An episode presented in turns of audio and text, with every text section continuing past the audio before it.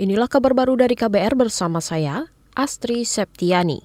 Presiden Joko Widodo ingin pengembangan destinasi super prioritas rampung sebelum ia lengser pada tahun depan. Lima destinasi itu antara lain Borobudur, Likupang, Mandalika, Danau Toba, dan Labuan Bajo.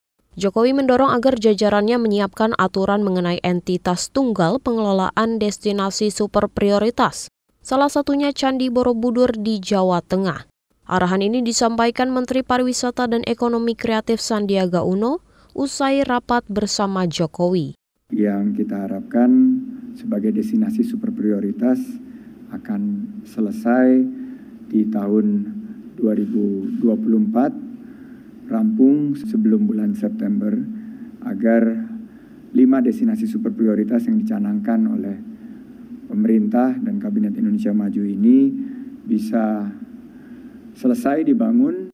Menteri Pariwisata Sandiaga Uno berharap lima destinasi super prioritas itu bisa memulihkan pariwisata Indonesia.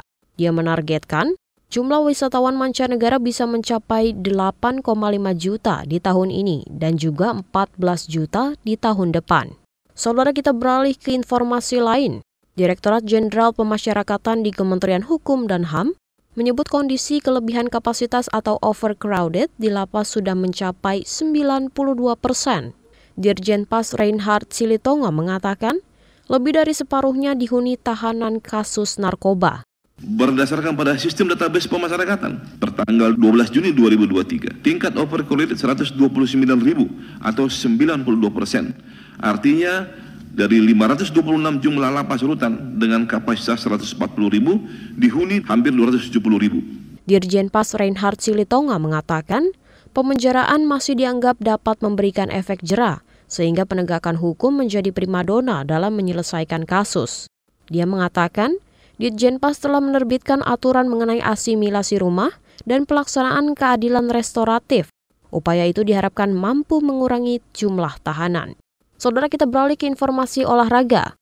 Dua ganda putra Indonesia yakni Fajar Alfian, Rian Ardianto, dan Leo Daniel melaju ke babak 16 besar turnamen badminton Indonesia Open 2023.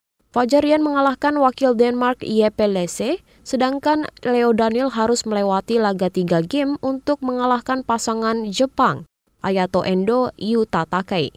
Di partai lain, ganda campuran Rehan Naufal Lisa Ayu juga mengamankan tiket 16 besar. Mereka mengalahkan pasangan Malaysia Goh Sun Lai Shevon. Tunggal putri Putri Kusuma Wardani juga berhasil melaju ke babak kedua. Namun langkah putri gagal diikuti tunggal lain yakni Gregoria Mariska Tunjung. Pemain ranking 9 dunia itu takluk dari tunggal India Pusarla Sindhu. Besok, sejumlah wakil Indonesia lainnya masih akan bertanding di babak 32 besar yang digelar di Istora Senayan, Jakarta. Demikian kabar baru KBR, saya Astri Septiani.